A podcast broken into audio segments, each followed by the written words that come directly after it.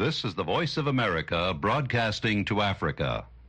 The following program is in Hausa.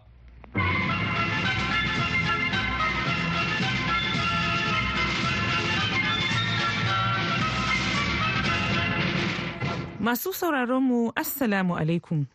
Barkanku da sakin cewa da muryar Amurka daga nan birnin Washington DC.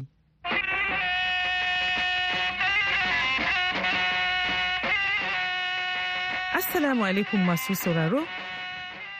Yanzu ma Aisha Mu'azu ce tare da Zara Aminu Fage da sauran abokan aiki muke farin cikin sake kasancewa tare da ku a cikin shirinmu na dare yau Juma'a tara ga watan Fabrairun 2024. Bayan labaran duniya za a saurari fashin bakin masana tattalin arziki kan yanayin tsadar rayuwa da hauhawar farashin kayan masarufi da ake fama da shi a Najeriya. Sannan za a ji cewa ɗalibai 'yan ƙasar Nijar masu karatu a ƙasashen yammacin Afirka suna fargaba a kan makomar karatunsu sakamakon ficewar ƙasar daga ƙungiyar ECOWAS. Muna kuma da rahoto a game da halin zamar ɗarɗar da ake ciki a gabar ta tsakiya.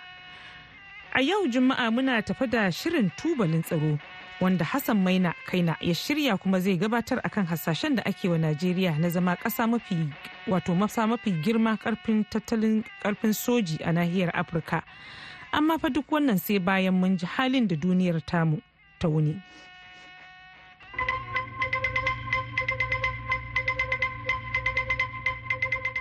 Masu sauraron mu Assalamu alaikum barkanmu da wannan lokaci. Sakamakon zaɓen da aka gudanar a jiya alhamis a pakistan ya nuna 'yan takarar da ke da alaka da jam'iyyar adawa ta pti ne ke samun rinjayen kujerun majalisar dokokin ƙasar a daidai lokacin da ake zargin gwamnati da sojoji ke marawa baya na ƙoƙarin yin magudin zaɓe. A daren yau juma'a ne dai hukumar zaɓen ƙasar pakistan ta fitar da sakamakon zaɓen kujeru 217 daga cikin kujeru 266 na majalisar dokokin ƙasar waɗanda aka kada su sakamako ya nuna cewa gungun 'yan takara masu zaman kansu da ke samun goyon bayan jam'iyyar pakistan tariq el insaf ta tsohon prime minister imran khan da ke ɗaure sun samu kujeru 88 fiye da kowace jam'iyya duk da kuwa da yunkurin da gwamnati ta yi gabanin zaɓen. 'yan takarar jam'iyyar muslim league ta pakistan nawaz wato pmln ƙarƙashin jagorancin tsohon prime minister nawaz sharif sun samu kujeru 61 ana kallon sharif a matsayin wanda sojoji ke marawa baya. Fitar da sakamakon zaɓen ya ci tura bayan wani dogon jinkiri da ba a saba gani irinsa ba da kuma ake zargin ana amfani da sakamakon ne domin nuna goyon baya ga ɓangarorin da sojoji ke marawa baya.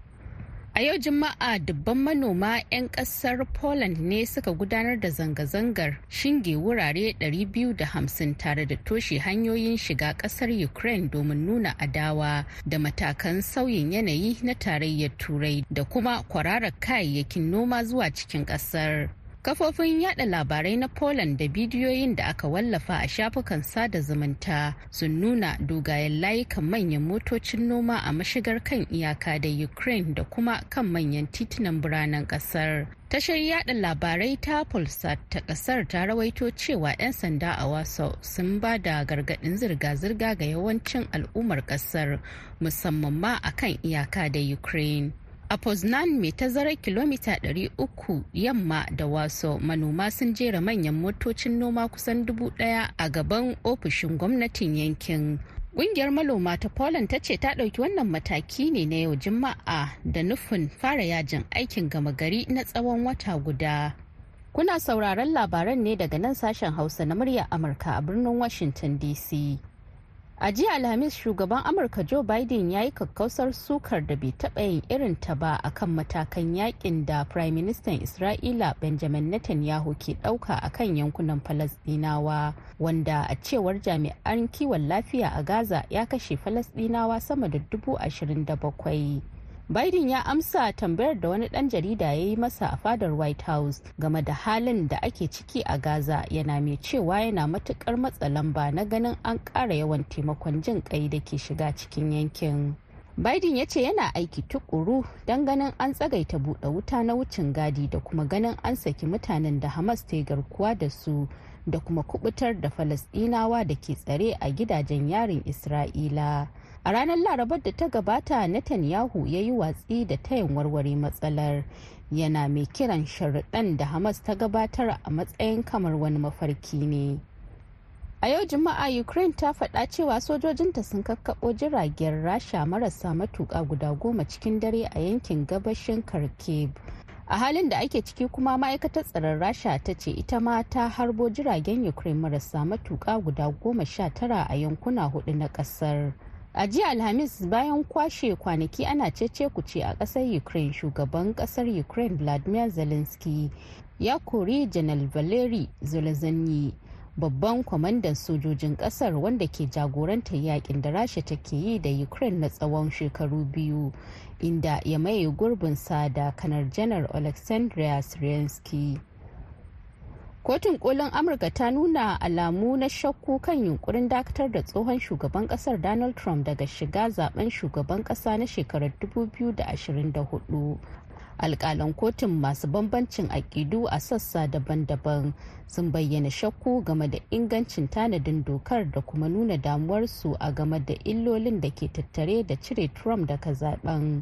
Babbar kotun amurka tana nazari ne akan hukuncin da kotun kolin jihar colorado ta yanke wanda ya nuna cewa a ƙarƙashin doka ta goma sha huɗu ga kundin tsarin mulkin amurka da aka yi wa kwaskwarima trump bai dace ya riƙe mukamin shugaban kasa ba saboda rawar da ya taka wajen ingiza gungun magoya bayansa suka kai hari kan ginin majalisar dokokin kasa a ranar shida ga watan janairun shekarar 2021 wanda a dalilin haka ne kotun ta bayar da umarnin a cire shi daga ƙuri'un zaɓen fidda gwani na jam'iyyar republican a jihar.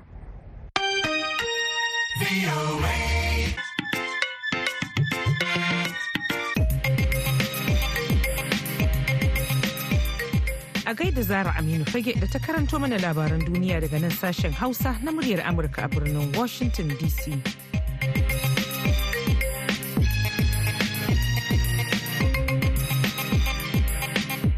madalla. Yanzu za mu mai da hankali akan rahotanninmu. Kuma najeriya muka nufa inda tsadar rayuwa da hauhawar farashin kayan masarufi wanda ba a taɓa fuskantar irinsa ba tsawon wato tsawon shekarun wato tsawon tarihin ƙasar ya addabi 'yan najeriya.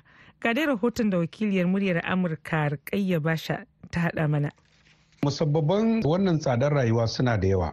Na farko akwai matsalolin ba mu gina tubalin tattalin arzikinmu ba. Mun bar tattalin arzikinmu ya lalace ba ma iya sarrafa kayan masarufi ba ma noma cikakken abinci shinkafa masara dawa alkama da sauransu da ke iya riƙe ƙasar najeriya sai mun je mun siyo wasu daga waje. To wannan fita wajen shi yake sa duk lokacin da farashi ya karu ko wata 'yar tangarɗa ta dan faru a harkar siya da sayarwar daga waje shikenan sai ya shigo cikin gida Najeriya ya wargaza mana al'amuran mu gaba ɗaya. Na biyu masana'antun mu babu ƙarfi. Ba ma wato production ba ma sarrafa kayayyaki a cikin gida Najeriya. Saboda haka darajar naira bai kamata a ce gwamnati ta bar ta ta samar wa kanta ƙarfi ba. Sannan tsadar man fetur da makamashi a Najeriya kai tsaye ya yi tasiri sosai akan tsadar rayuwar da ke Najeriya. Banda wannan akwai matsalar gudun hijira da yaƙe-yaƙe. Da ya lalata harkar noma ya lalata samar da abinci ya lalata shigar da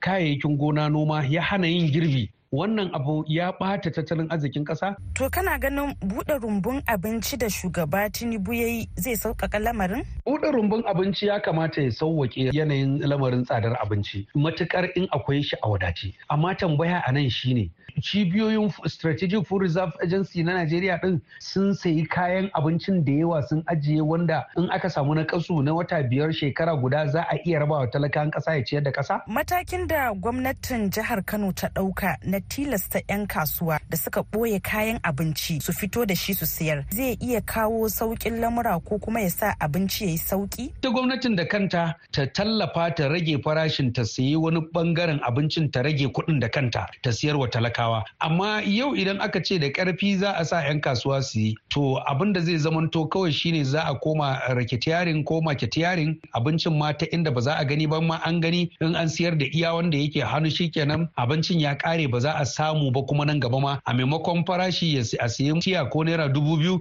sai an koma ana siyan tiya naira dubu biyar ba a same ta ba ma shinkafar. To a ƙarshe wace hanya ce mafita? Mafita ta farko dukkan mu mu zamanto mutane masu hankali masu tsoron Allah masu kishin ƙasa masu tausayin juna masu sanin ya kamata masu sanin haƙƙi da mutuncin ɗan adam. To tsadar da muke kawowa da kanmu da mun rage wannan domin mu da kanmu muna ma kanmu rauni. ta wajen mu sai abincin mu ɓoye ta wajen mu sai dala mu ɓoye ta wajen mu in mun samu mun azurta in kowa ya ga dama ya mutu to wannan ɗabi'ar inda mun daina ta wallahi da mun samu sauƙin rayuwa. Yanzu dai hankulan 'yan ƙasar ya karkata ne ga gwamnatin tarayya domin ganin yadda sabbin matakan da ta ɗauka zai kawo sauƙin lamura. Rukayya Basha, muryan Amurka daga Abuja a Najeriya. A gare da Rukayya, daga Najeriya kuma za mu leƙa makwabciyarta Nijar. inda ɗalibai 'yan asalin jamhuriyar Nijar masu karatu a ƙasashen Afirka mambobin ƙungiyar ECOWAS suka fara bayyana fargaba a game da makomar karatunsu bayan ficewar ƙasarsu daga ƙungiyar ta raya ƙasashen Afirka ta yamma ECOWAS. Daga jihar Difa, wakilin muryar Amurka Haru Sula Rashidu ya haɗa mana wannan rahoto.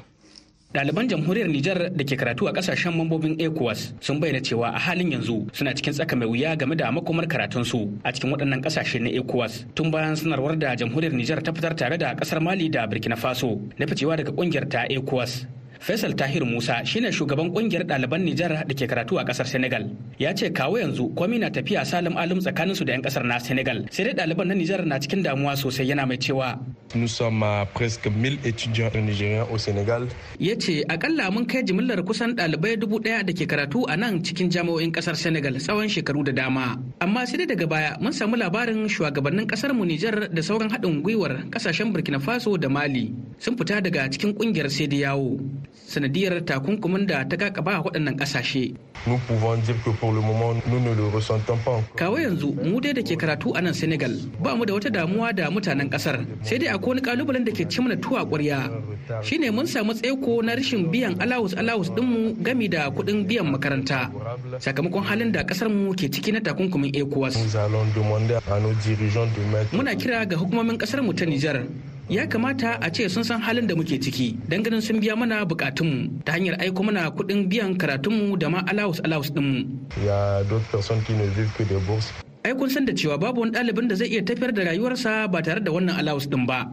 A nasu ɓangare kabir isufu dan asalin nijar da ke karatu a jami'ar abubakar tafawa balewa da ke jihar bauchi a tarayyar najeriya ya kira ga ɓangarorin biyu wato ecos da is na ganin sun yi nazari don nisantar tsatsauran matakan da za su iya kawo tarnaki wajen harkokin tafiyar da ilimi wanda daman ke fuskantar tarin matsaloli musamman a lokacin da suke yunkurin shigowa tarayyar najeriya don yin karatu. Tun bayan takunkumin da ƙungiyar ecos ta kakaba jamhuriyar nijar biyo bayan jin mulkin ranar 26 ga watan julin shekarar bara.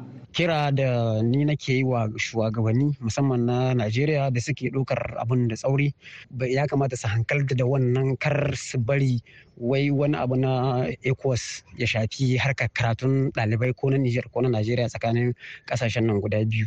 Daga bisani umar muhammadu da ke zama shugaban ƙungiyar ɗaliban jamhuriyar nijar da ke karatu a ƙasar benin ya bayyana cewa tuni karatunsu ya shiga cikin wani hali na tsaka mai wuya. Sanadiyar takunkumin da aka kakaba a ƙasar su yana mai cewa lalle wannan matsaloli da muke fuskanta na wajejen wannan gurbatattun decision da yawo ta ɗauka suna da yawa musamman ma ta fannin karatu.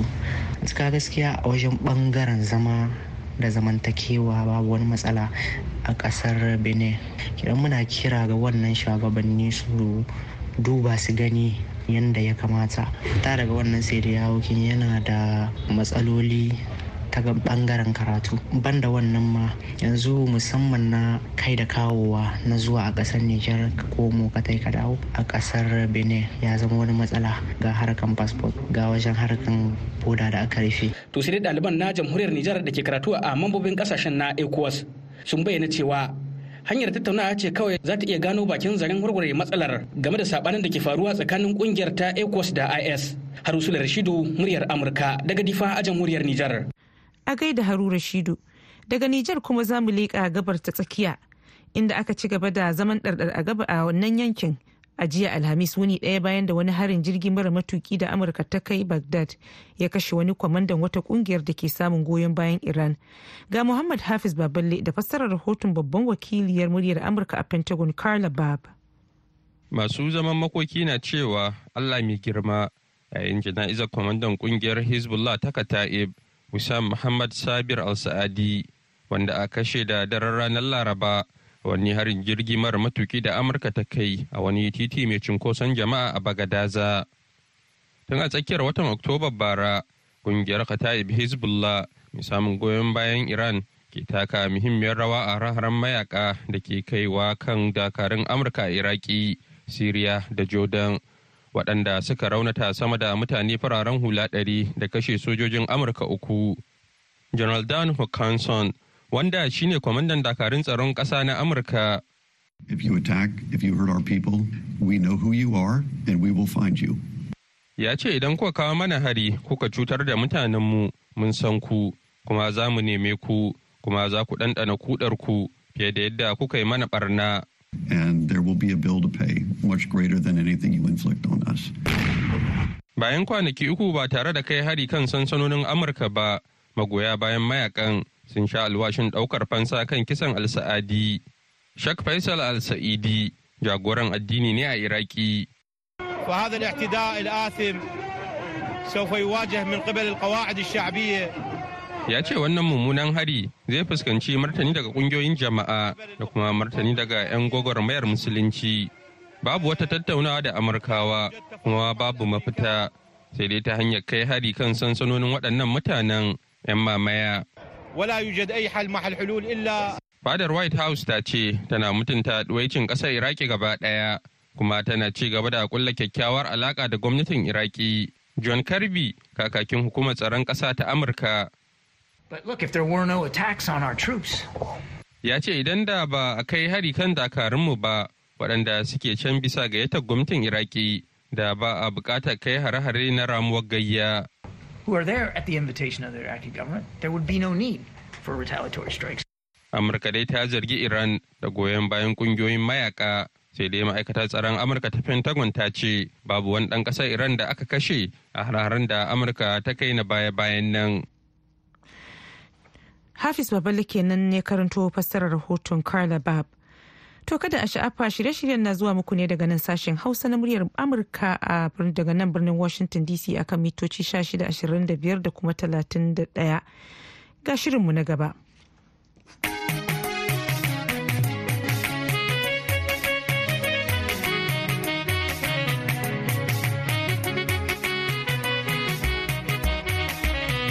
Mai sauraro Assalamu alaikum. Barkanmu da sake saduwa a wani sabon shirin na tubalin tsaro wanda ni Hassan maina kaina zan gabatar. Wanda a yau za mu duba irin tagomashin da rundunar sojojin saman Najeriya ke samu na ƙarin jiragen yaƙi na zamani 'yan yayi da sauran kayakin aiki.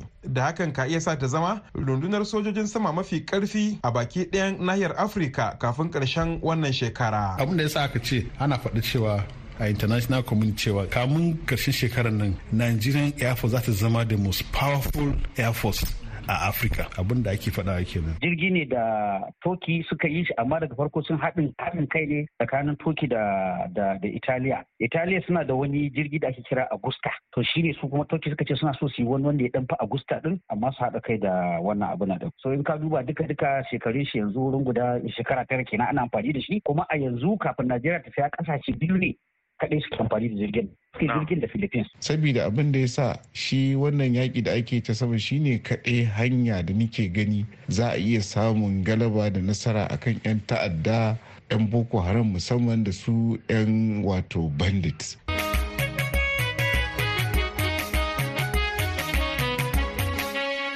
To madalla. A wannan mako mai karewa ne rundunar mayaƙan saman Najeriya ta amshi karin wasu jiragen yaƙi masu saukar ungulu samfurin T129 attack helicopter waɗanda shugaban najeriya bola ahmed tinubu ya kaddamar da su a birnin makodi inda kuma ya sha alwashin yin duk wani abu mai yiwuwa domin aiki tukuru wurin magance matsalan tsaro shugaban najeriya wanda mataimakinsa sanata kashim shettima ya wakilce shi yayin kaddamar da waɗannan jiragen yaƙi ya ce samar waɗannan jirage a halin yanzu na nuna zakuwar gwamnatinsa na ƙara tunkadar kalubalen tsaro gadan-gadan. Sanata bola ahmed tinubu ya ce ya yi imanin waɗannan jiragen yaƙi za su taka rawa sosai wurin fuskantar sha'anin yaƙi da ta'addanci gadan-gadan a ciki da wajen najeriya. A tattaunawar da ne da shi kakakin hedikwatar rundunar sojojin saman najeriya air vice marshal edward gabquet ya shaida min cewar yanzu kam batun jiragen yaƙi abin tubarkalla. tun kamun wannan gwamnatin ma ta hau allah ya sa ana ta sayo mana sababbin jirage. In ka tuna shekara uku ne ko huɗu da ya wuce aka siyo mana super tucano. To da wannan gwamnatin ma ta shigo daga jun shekarar da ya wuce zuwa yau mun karɓi sabon jirage guda biyar. Kuma muna jiran uba 45 ko? muna jiran 45 da za mu karɓa daga yanzu zuwa disamba na wannan shekara akwai guda sha biyu helicopter guda sha biyu da za mu karɓa daga us ana kiranta ah-1 zulu attack helicopter sauran guda huɗu daga turkey da tk-129 attack helicopter. Guda biyu sun iso sunan guda huɗu akwai guda akwai uh, fighter aircraft guda 24 za mu karɓi daga, italy. So akwai su daban-daban nan da can. Uh, so an na yadda kamun ƙarshen shekarar nan uh, za mu kada inventory din abin da ya sa aka ce ana faɗi cewa a international community cewa shine cewa kamun ƙarshen shekarar nan nigerian air force za ta zama the most powerful air force a afirka abin da ake faɗa kenan. Kuma ba maganan banza ba ne an samu da ake faɗa yanzu din da muke magana zan gaya maka cewa akwai jiragen mu a sama. Suna ganin me ke faruwa akwai na so mutane suna magana don ba su san me ke faruwa ba ne. Amma dai in kana bin labaranmu kana bin abin da ke faruwa za ka san cewa ana aiki ana aiki sosai. Abin da ya sa terrorism ba za su ɗauka mashin me ake kiran shi babur daga zamfara su fara yawo su shiga cikin kaduna. Yanzu suna je su yi kidnapping su ɗauke mutane a nan a can. Kaya magana su italy su us da sauransu. Kamar daga rasha fa misali. Jiragen da rasha su ma? Eh kasan russia tuntuni da mun siya jiraga a wurinsu. So muna da muna aiki da su domin muna suna maintaining maintenance din jirage muke da su yanzu. Amma yanzu ba wani jirgin da aka siya daga russia. Kamar mi 17 da mi 117 da ya crashing da wadatan duk wayannan daga russia ne so akwai jiragen da muke da shi amma most times yanzu muna neman spare parts da maintenance su. Amma mun daɗe muna muna aiki da su. Mu ba mu duba mu muna neman jiragen za su yi mana aiki ne. Ba wai za mu ce wai domin wannan ƙasar da wani a'a. In za ka ba mu jikin da zai serving purpose din abin da federal government take mana kenan. Kuma tana tabbatar cewa mu sai mun approving wannan abun kafin a sai mana.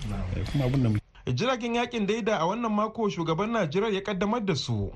A cewar masanin tsaro group captain sadiq garba shehu mai ritaya za su taka rawa gaya wurin yaƙi da 'yan ta'adda da barayin daji. Kana bugan jirgin kowane jirgi da aikin da yake yi. Shi yasa babu jirgi ɗaya wanda zai maka aiki gaba ɗaya kowane iri. Shi yasa za ka ga yau a sai wannan yau a sai wannan. Wasu su tambaya cewa an sai tukano ne yasa kuma ake sayan wani. To gaskiya jirgi kullum ina ba da ina ba da example cewa kamar mace ne wadda mijinta yana da hali. In ka shiga kicin ɗinta za ka ga wuka wuka wuka kala kala wurin guda goma sha shida. Kowane wukan nan a lamarin bature akwai abin da za akwai na yankan kashi akwai na yankan tsoka. To haka jirgi yake. Shi wannan jirgi T129 attack jirgi ne da Toki suka yi shi amma daga farko sun haɗin haɗin kai ne tsakanin Toki da da da Italiya.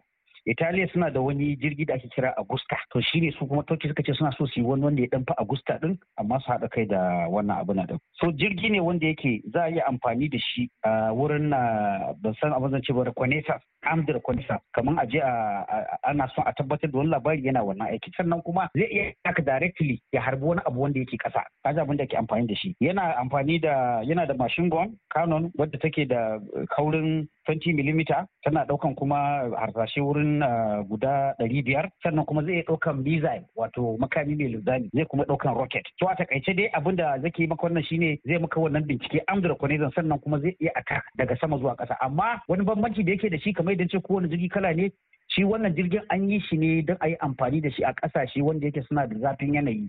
Wato high temperature kamar munan Najeriya. To kaji abin da ake ci kenan kuma injin yake da shi guda biyu yana kuma da wurin zama guda biyu ɗaya kan sam ɗaya kan ɗaya wanda yake za a iya abin sannan kuma za a yi amfani da shi a kowane yanayi. Ana ruwa ne ana hadari ne sannan amfani da shi. Kaji abin da wannan jirgin yake ciki.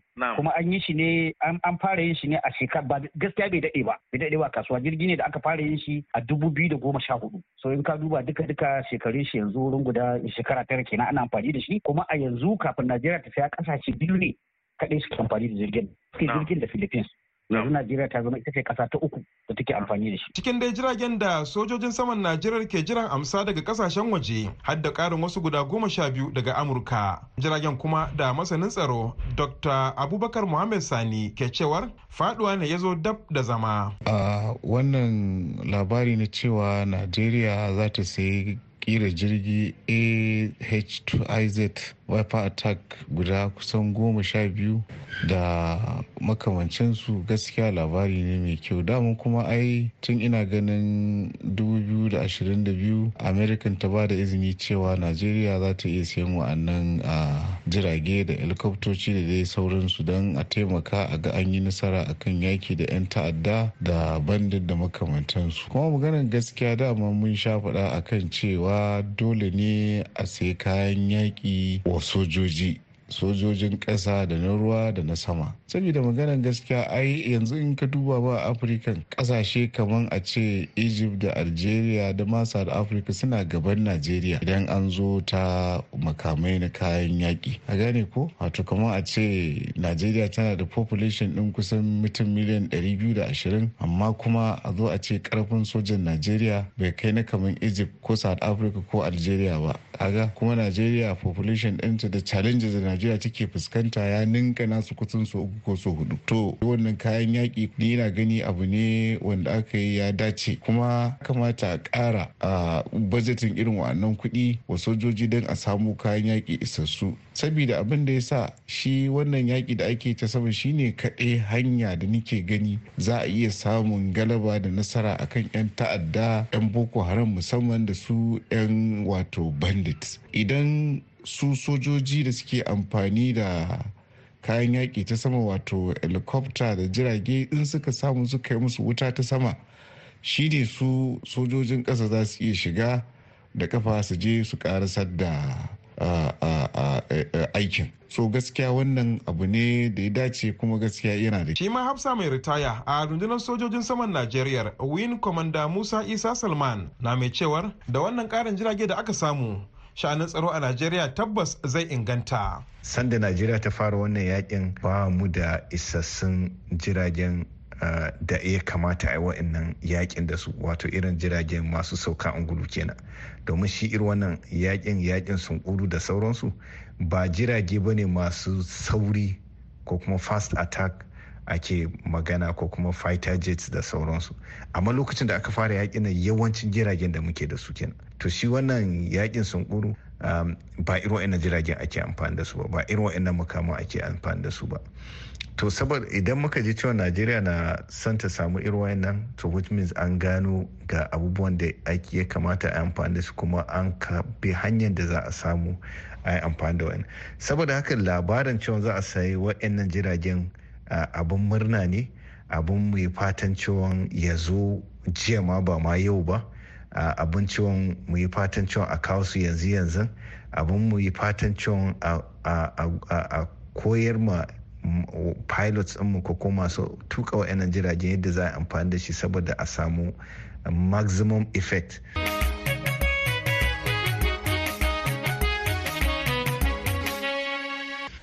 Masu sauraro duka-duka da wannan muka zo ƙarshen wannan shiri na tubalin tsaro na wannan mako. Sai kuma mako mai zuwa idan Allah ya kai mu za mu kawo muku wani sabon shirin. A madadin sashen Hausa na muryar Amurka. solomon abu shine wanda ya daidaita mana sauti sunana hassan maina kaina ke sallama da ku mu kasance lafiya a gaida hassan maina kaina. To masu sauraro sai a mana hafuwa ba za mu samu daman kawo muku labarai a taƙaice ba. A nan ne kuma za mu yi sallama da ku a cikin shirinmu na dare kuma na ƙarshe a yinin yau. Sai kuma zuwa gobe da safen ku idan Allah mai kowa mai komai raya mu a je wasu abokan aikin mu da shirin mu na safe. Yanzu a madadin Zahra Aminu fage da ta taya ni gabatar da shirin.